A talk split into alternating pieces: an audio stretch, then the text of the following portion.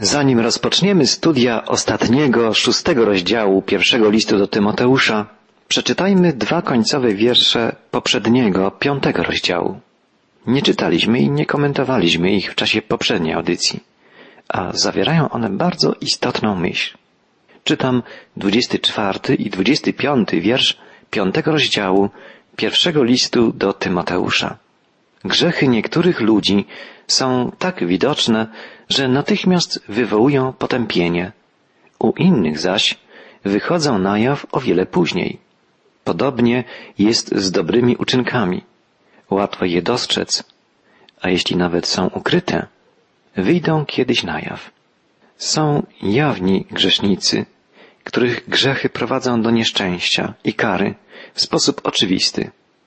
I są tajni grzesznicy, prowadzący pod maską nienaganności życie z gruntu złe i wstrętne.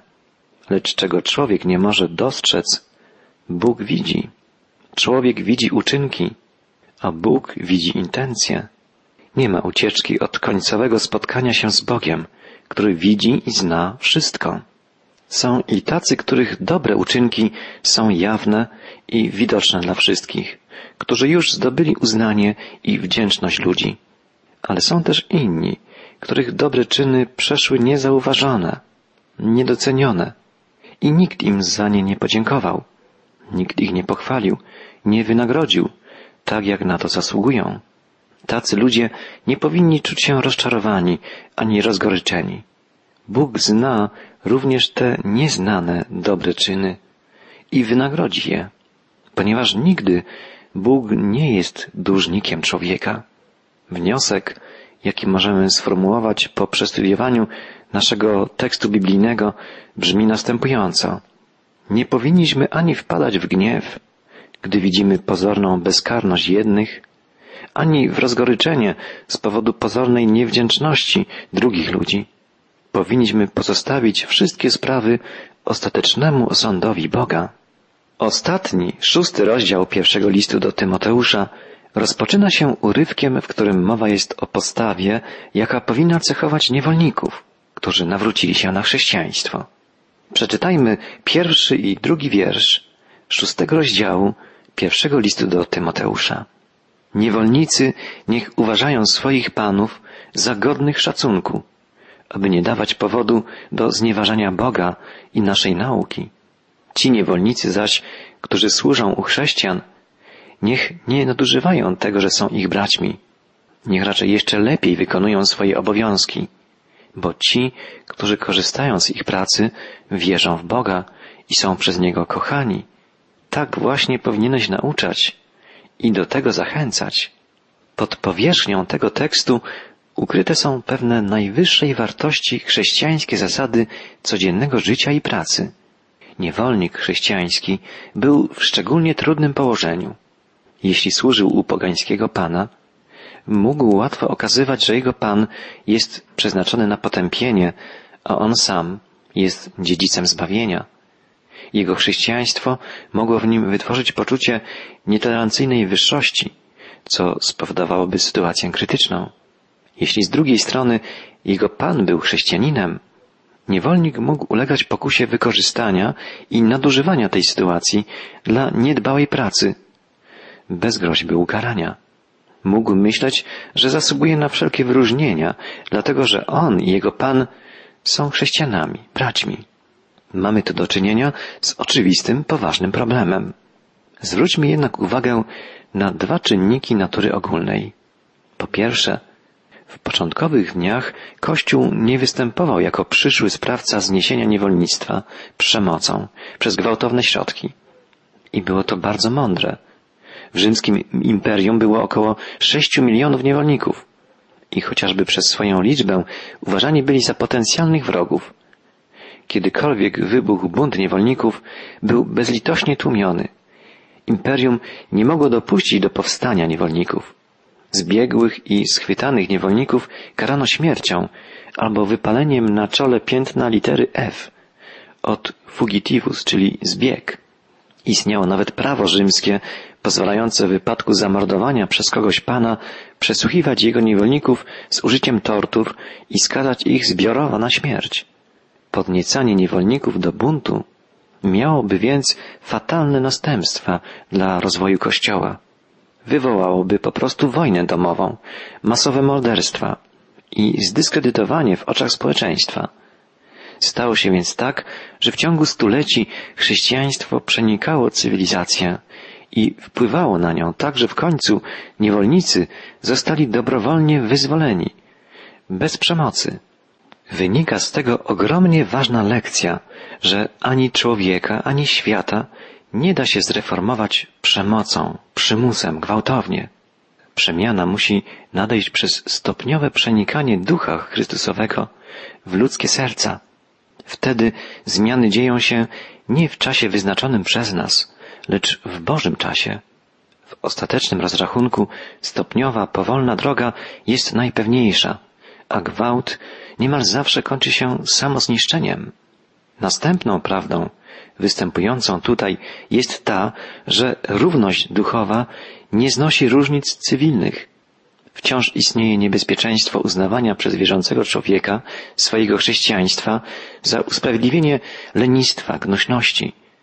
Jeżeli on i jego pracodawca są obaj wierzącymi, może pretendować do szczególnych wyróżnień. Ale czy może to zwalniać pracownika z obowiązku codziennej, uczciwej, wydajnej pracy i zarabiania w ten sposób na życie?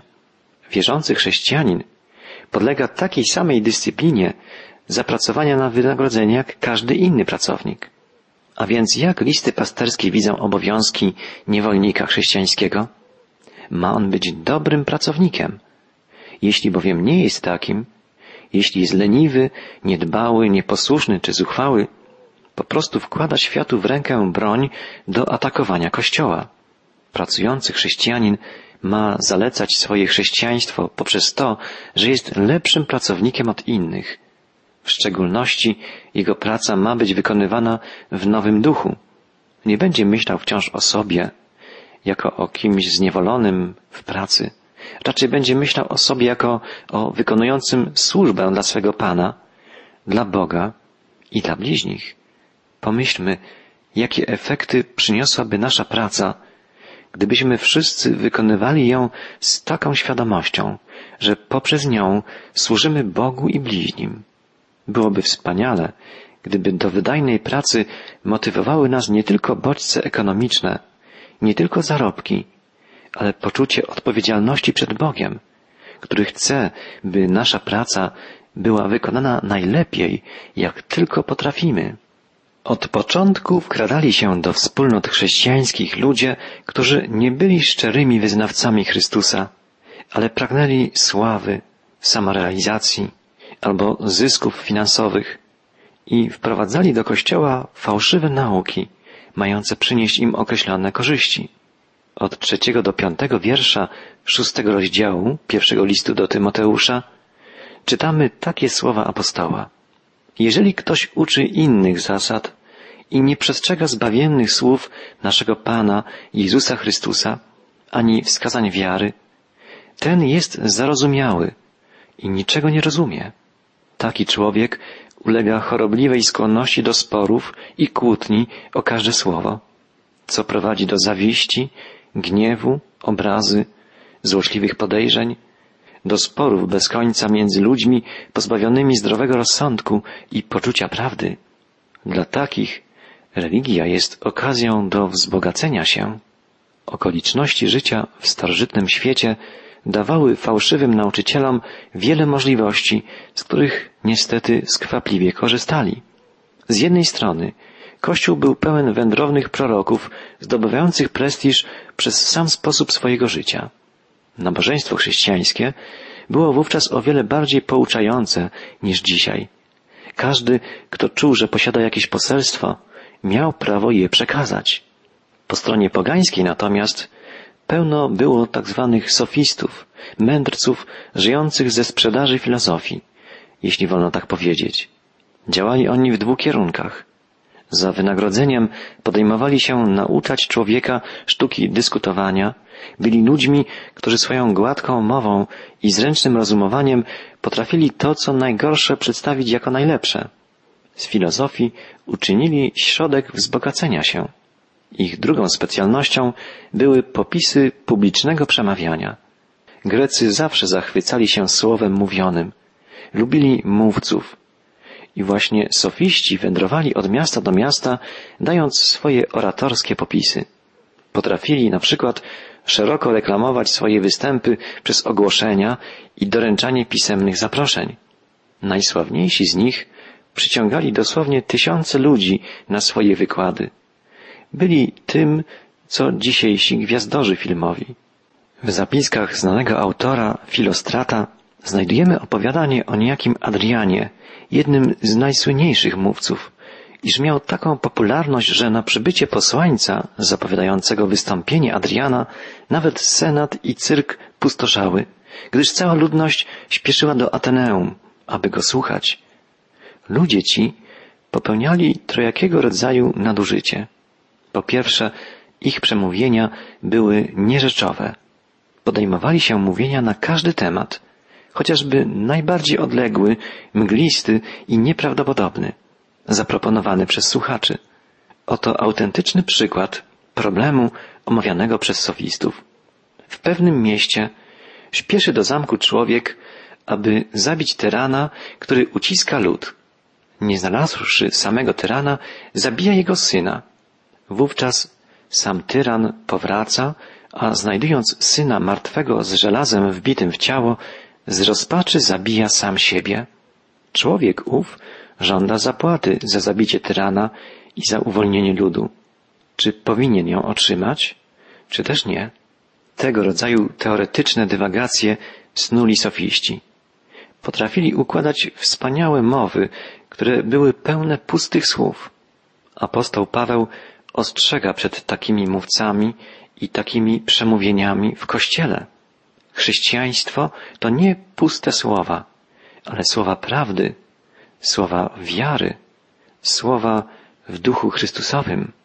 Wystąpienia wielkich mówców w starożytności obliczone były na poklask i zyskanie sławy. Celowali w tym nie tylko wspomniani przez nas sofiści. Jeden z historyków tak opisuje współzawodnictwo mówców w Koryncie. Możesz usłyszeć wielu biednych, wykolejonych sofistów, obrażających się nawzajem, a także ich uczniów, jak ich nazywają, handryczących się i wielu pisarzy książek, czytających swoje głupie utwory, wielu poetów śpiewających swoje wiersze, wielu kuglarzy pokazujących swoje sztuczki, wielu wróżbiarzy wykładających znaczenie niezwykłych znaków i tysiące retorów przekręcających przepisy prawa i nie mniejszą liczbę kupców uprawiających swoje procedery. To są właśnie owe spierania się o słowa, rodzące zawiść, swary, bluźnierstwa. O tym właśnie pisze apostoł Paweł. Owe ciągłe spory ludzi spaczonych na umyśle i wyzutych z prawdy. Wszyscy oni, pisze jeden z historyków starożytnych, są miłośnikami szmeru uznania publiczności. Jak człowiek idący w ciemności, kierują się zawsze w stronę oklasków i okrzyków. Świat starożytny dobrze znał ten rodzaj fałszywych nauczycieli, którzy nawiedzali Kościół. Zawsze pragnęli pochwał, a miarą powodzenia była liczebność słuchaczy. Podajmy tu jeszcze jeden przykład, pochodzący z pism Epikteta. Żywo oddaje on postać sofisty mówiącego do swoich uczniów po popisie. I co, jak wypadłem dziś w waszych oczach? Na moje życie, panie, byłeś godny podziwu, odpowiadali uczniowie. A jak się wam podobał najlepszy mój fragment? Który to był? pytali. Ten, w którym opisywałem Boga i nimfy. O, to było niezwykłe, niezwykle dobrze powiedziane. Było dziś o wiele więcej publiczności, moim zdaniem, mówił dalej sofista.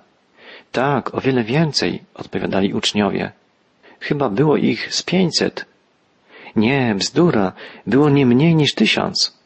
O, to jest więcej niż kiedykolwiek miał ktokolwiek inny. Ciekawe, co było powodem. Chyba podobało im się to, co mówiłem.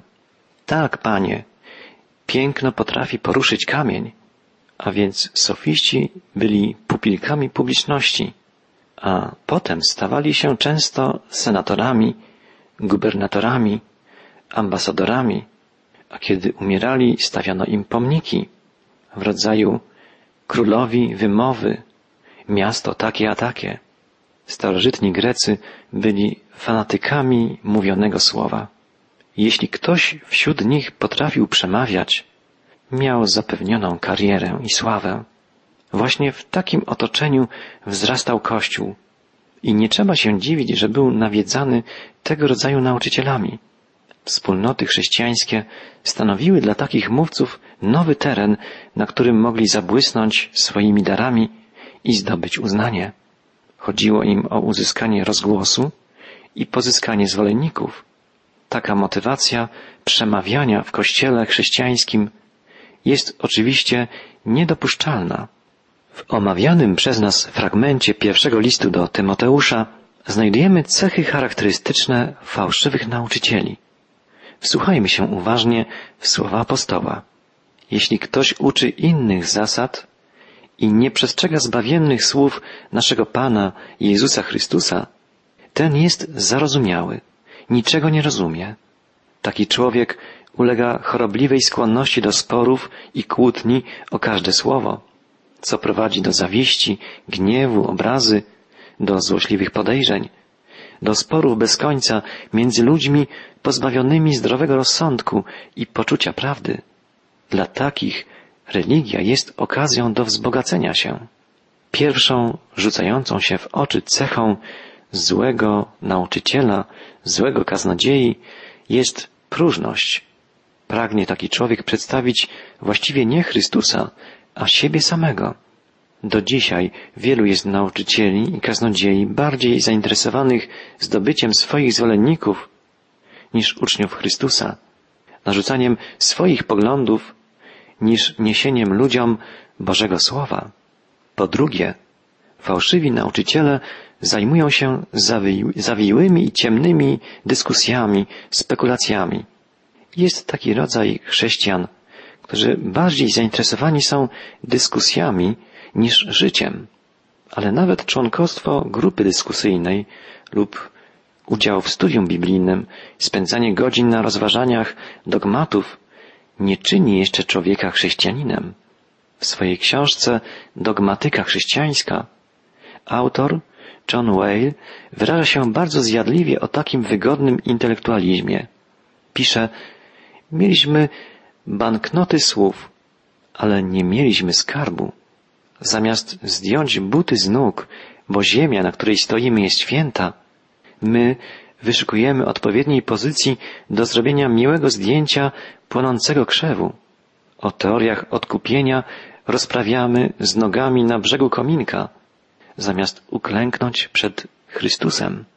Filip Melanchthon pisał, znać Chrystusa to nie spekulować na temat wcielenia Jego postaci, lecz poznawać Jego zbawcze czyny. Subtelna argumentacja i gładkie sformułowania teologiczne nie czynią człowieka chrześcijaninem, a nawet mogą być ucieczką przed wymaganiami chrześcijańskiego życia. Dalej apostoł pisze, iż fałszywy nauczyciel zakłóca spokój, posiada instynktownie sporne nastawienie, podejrzewa każdego, kto nie zgadza się z nim.